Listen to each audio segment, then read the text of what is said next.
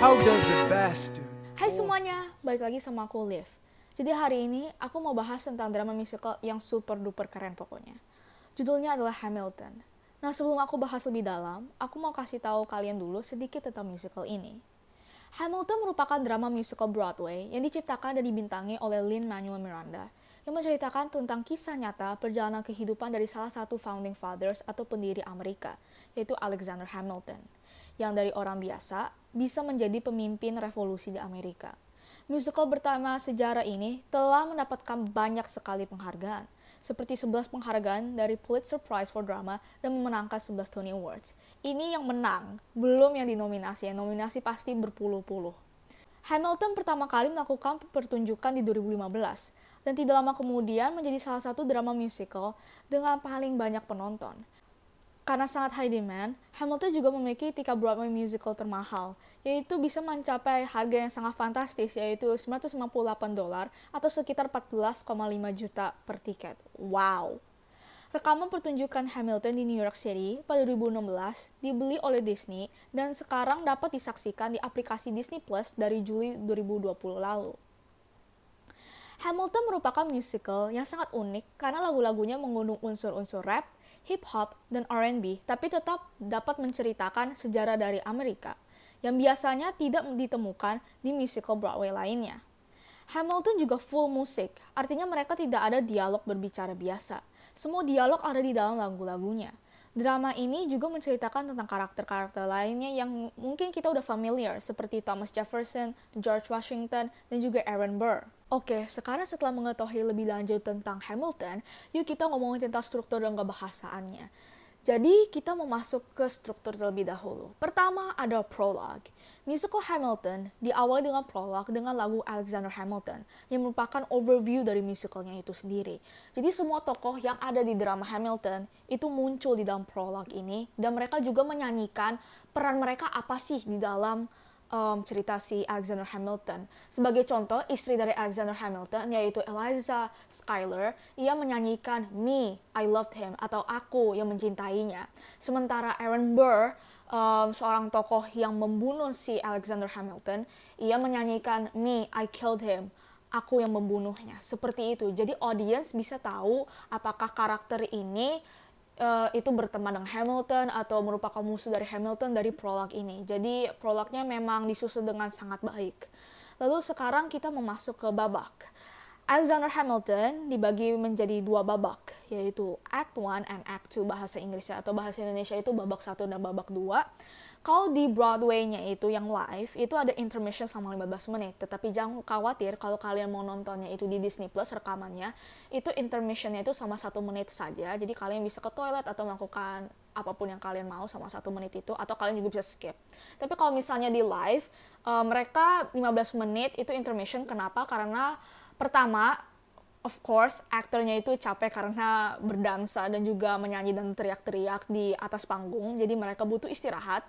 Kedua biasanya di dalam intermission ini mereka memperbaiki set atau properti dan juga mikrofon dari aktornya. Dan ketiga biasanya aktornya itu mengganti baju di dalam intermission ini. Jadi banyak hal yang dilakukan selama 15 menit ini di behind the stage jadi bedanya babak satu dan babak dua itu, babak satu itu cenderung lebih ringan karena belum ada topik yang terlalu dalam seperti kematian begitu kalau di Hamilton ya.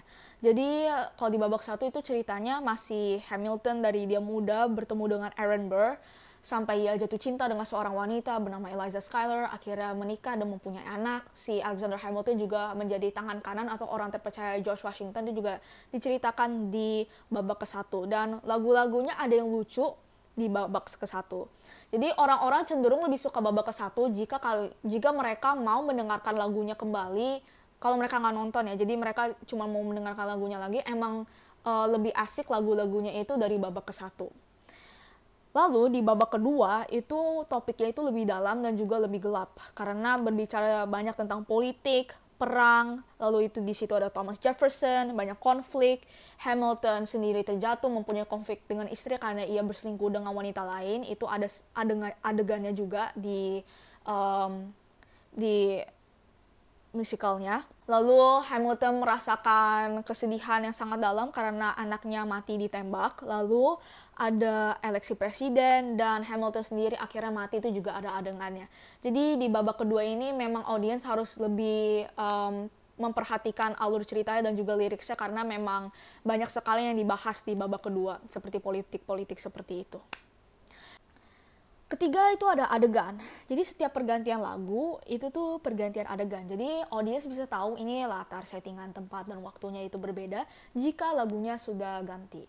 Namun transisi di dalam Hamilton itu sangat cepat karena memang komposer dari lagunya ini udah membuat lagu-lagunya itu bisa transisi dengan cepat. Jadi mereka tidak um, membutuhkan banyak waktu untuk um, men-set up adegan berikutnya.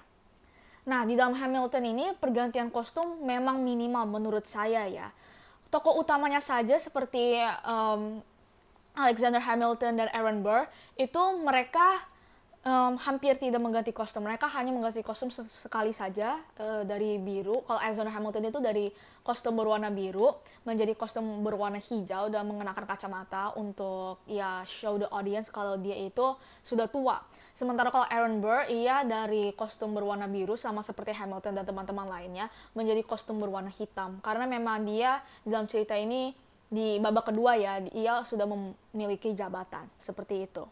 Nah, tetapi ada aktor-aktor yang memainkan dua peran atau mungkin bisa lebih dari dua peran. Um, contohnya itu aktor dari John Lawrence, ia juga memainkan Philip Hamilton, anaknya dari Hamilton. Walaupun ia merupakan orang dewasa ya, dan anaknya Hamilton itu di cerita itu masih anak 7 tahun, tetapi dimainkannya itu oleh orang dewasa, makanya audiensnya itu memang ketawa pada saat adegan itu tetapi karena memang semuanya orang dewasa dan tidak ada anak kecil sama sekali, jadi ya mereka ganti kostumnya tidak begitu ribet dan ganti orangnya juga tidak begitu ribet.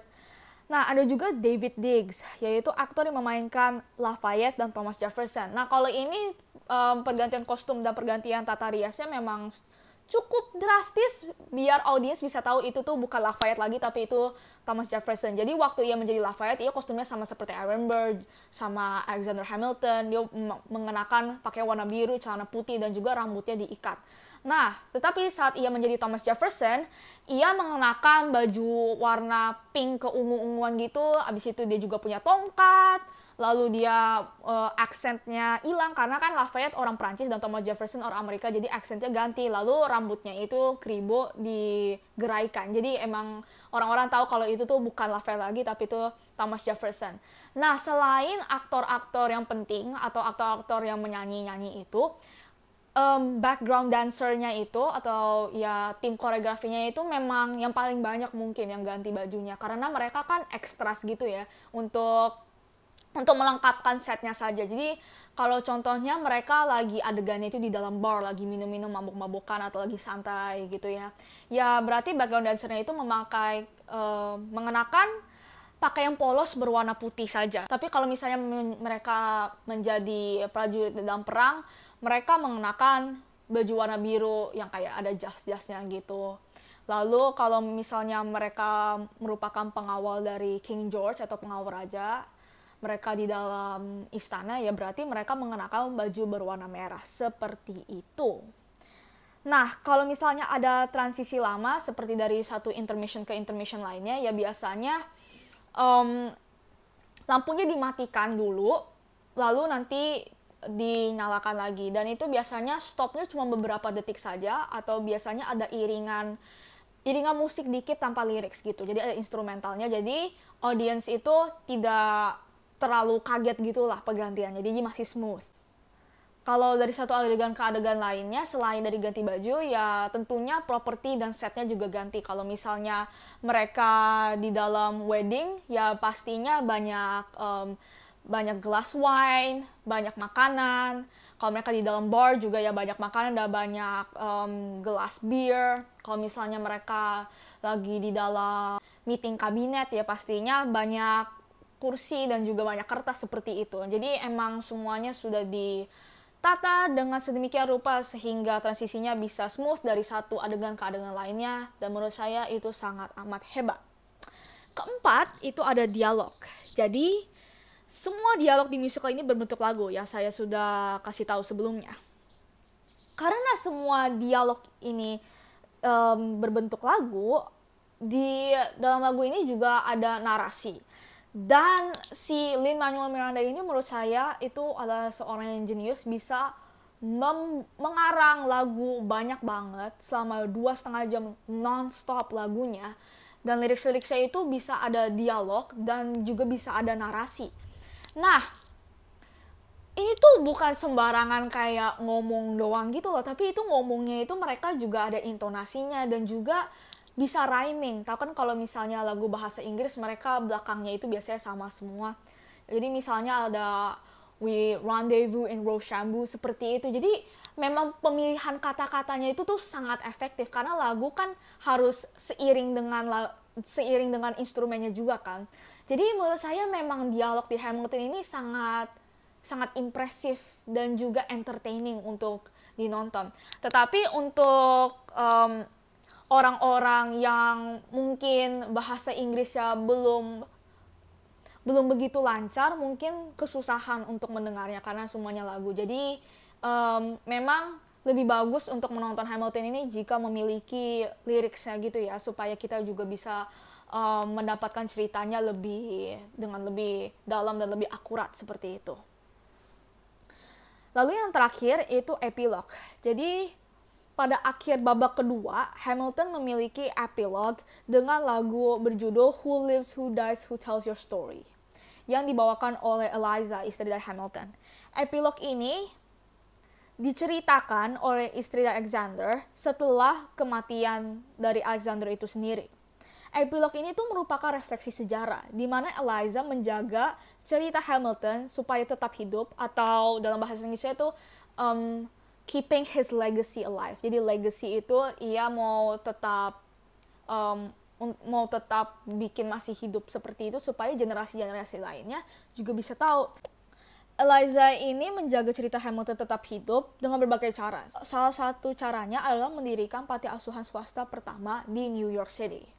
Nah, musical ini ditutup dengan Eliza memandang kepada audiens lalu menangis. Jadi ya uh, dia itu berdiri di tengah panggung, dia melihat audiens lalu dia kayak seperti itu, lalu dia menangis dan berteriak.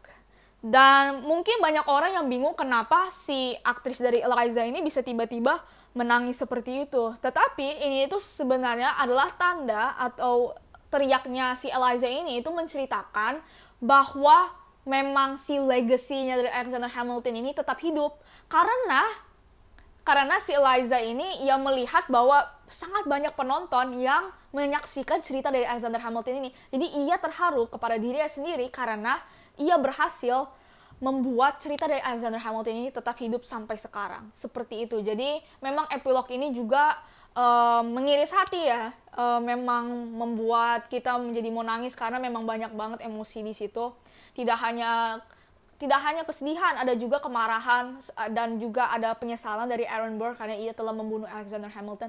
Banyak sekali pokoknya. Jadi epilog ini itu perfect ending buat musical Hamilton ini. Sekarang kita masuk ke kebahasan dari Hamilton. Karena Hamilton merupakan musikal dan menyampaikan pesan dari lagu, mereka harus bijak dalam memilih kata-kata untuk menceritakan cerita semaksimal dan sejelas mungkin. Tetapi juga harus bisa senada dengan lagunya dan juga seirama dengan lagunya. Jadi, karena dialognya itu semuanya dalam bentuk lagu, of course harus rhyming dan juga karena harus rhyming dan juga lagunya udah dikompos sebelumnya, para aktor ini harus benar-benar menghafal semua line atau semua lirik dari lagu-lagunya karena mereka tidak bisa mengimprovisasi. Kalau mereka mengimprovisasi dialognya mereka sendiri, ya pasti akan kacau karena tidak akan sesuai dengan irama musiknya. Nah, Hamilton sebagai drama historis menggunakan banyak kata-kata yang menggambarkan urutan waktu dan juga tempat kejadiannya. Karena ya tentunya kalau di Broadway Live atau di petunjukan panggung ya pastinya ada batasan mereka bisa show apa di dalam set panggung itu karena misalnya kalau di film kan ada editing lalu kalau mereka misalnya mau e, menunjukkan kota Amerika di tahun 1700-an ya mereka tinggal menghias sebuah kota e, supaya itu kelihatan seperti kota yang historis. Tetapi kalau misalnya itu ada pertunjukan live seperti Hamilton ya pastinya tidak bisa begitu. Jadi untuk Untuk menyampaikan pesan kepada audiens dan supaya audiens tidak bingung ini tuh tahun berapa dan di mana, biasanya di awal atau di dalam lagunya itu pokoknya ada tahun dan juga lokasi dari latar ceritanya itu. Sebagai contoh, lagu dari Aaron Burser itu diawali dengan lirik 1776 New York City atau bahasa Indonesia itu tahun 1376 di New York City. Nah, dari ini kalau audiensnya itu mendengar lagu Aaron Burser, mereka itu tahu kalau cerita di mana Alexander Hamilton itu bertemu dengan Aaron Burr itu tuh pada tahun 1776 di New York City. Seperti itu. Nah, mereka juga menggunakan kata-kata untuk menunjukkan ekspresi dan monolog dari sebuah tokoh melalui lagu-lagunya. Contoh ini bisa sangat dilihat di lagu dekat ending dari Hamilton, yaitu lagu berjudul The World Was Wide Enough, di mana Hamilton itu akan ditembak oleh Aaron Burr, tetapi sebelum uh, pelurunya itu masuk ke dalam tubuhnya, ia itu memiliki monolog tentang legacy atau warisannya ia sendiri dan ia harapannya mau apa ke istrinya dan juga teman-teman yang lain. Jadi itu memang um, suatu hal yang harus ada di dalam sebuah pertunjukan panggung. Karena memang selain dari limited di setnya pertunjukan panggung itu juga limited dalam karakternya. Karena karakternya itu tidak bisa diediting jadi mereka memiliki monolog seperti itu supaya um, audiens tahu apa yang dipikirkan oleh para karakter ini Misalnya juga, kalau seorang tokoh sedang marah atau misalnya itu suasananya lagi perang, maka lagunya itu menjadi lebih dramatis. Kebalikannya kalau misalnya itu tentang lagi romantik atau lagi di dalam pernikahan atau pesta, maka lagunya itu akan iramanya itu lebih santai dan lebih enak didengar begitulah. Hamilton juga menggunakan kata-kata untuk mendeskripsi hal-hal yang susah untuk ditampilkan. Seperti saat perang, karena mereka tidak bisa membawa senjata yang besar kayak cannonball gitu, mereka harus bisa um, menunjukkan bahwa misalnya mereka lagi di kapal perang dengan cara um, menggunakan sound effect yang dinyanyikan oleh para aktor-aktor dan dansernya itu yaitu seperti boom, boom, door, door, seperti itu. Jadi para penonton tahu kalau mereka itu sebenarnya di dalam perang walaupun mereka tidak bisa menampilkan kalau misalnya ada kapal perang atau senjata-senjata yang ada. Nah, descriptive language atau kata-kata sifat juga tentunya digunakan.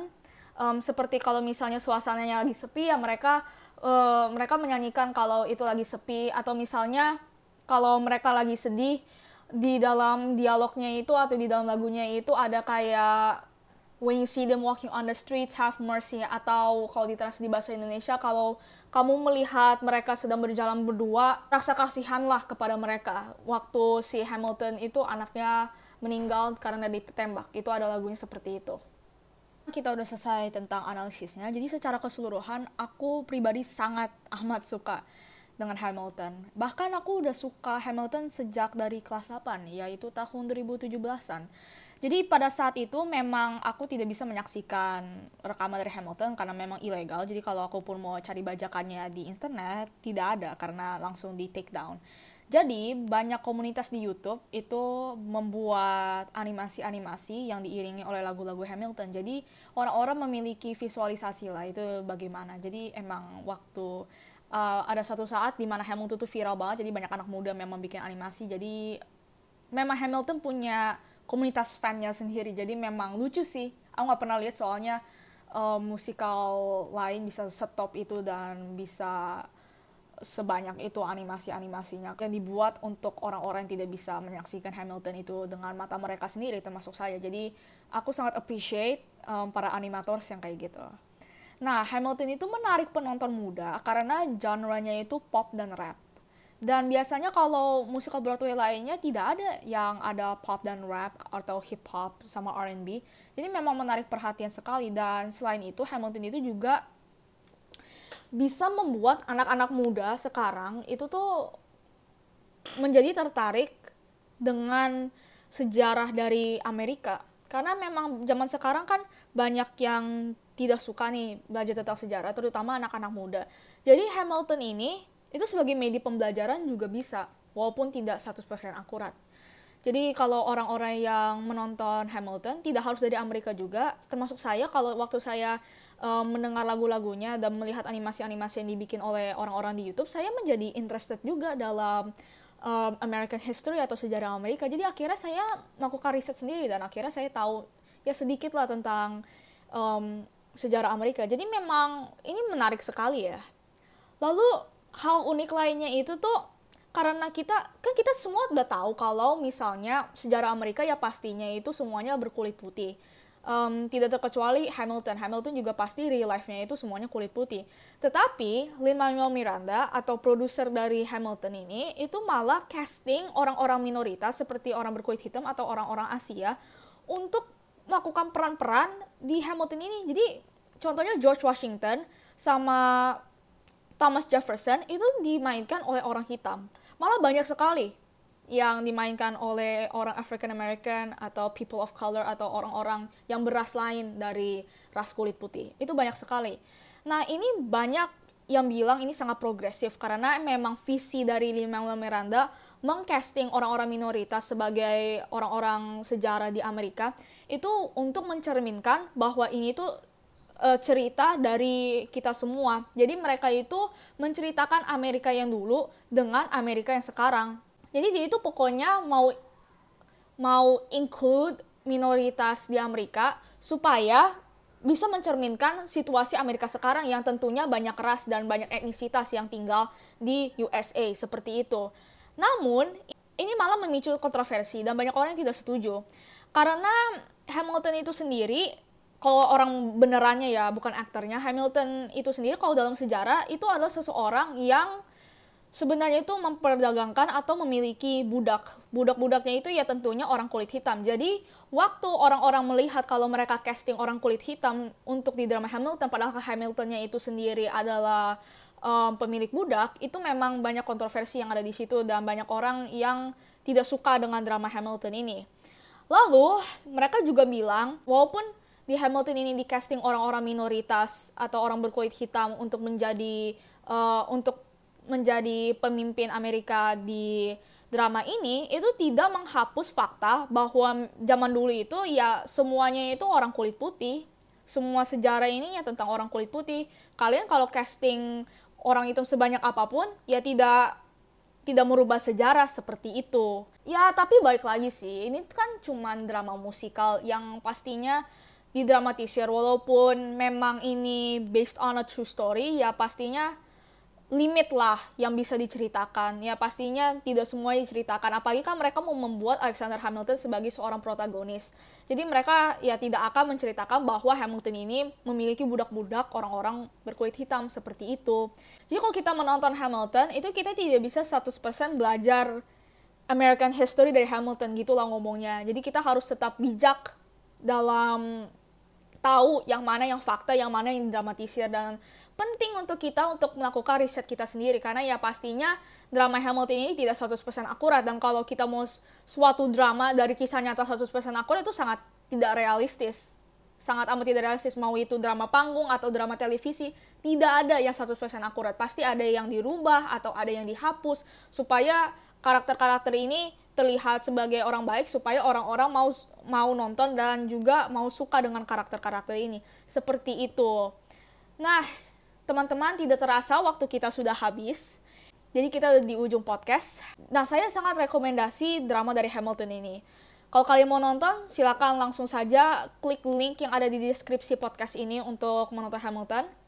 Karena menurut saya memang semua orang harus menonton itu, walaupun kalian mungkin tidak suka dengan sejarah atau kalian suka banget tentang sejarah, tolonglah nonton karena ini memang work of art yang sangat amat bagus menurut saya.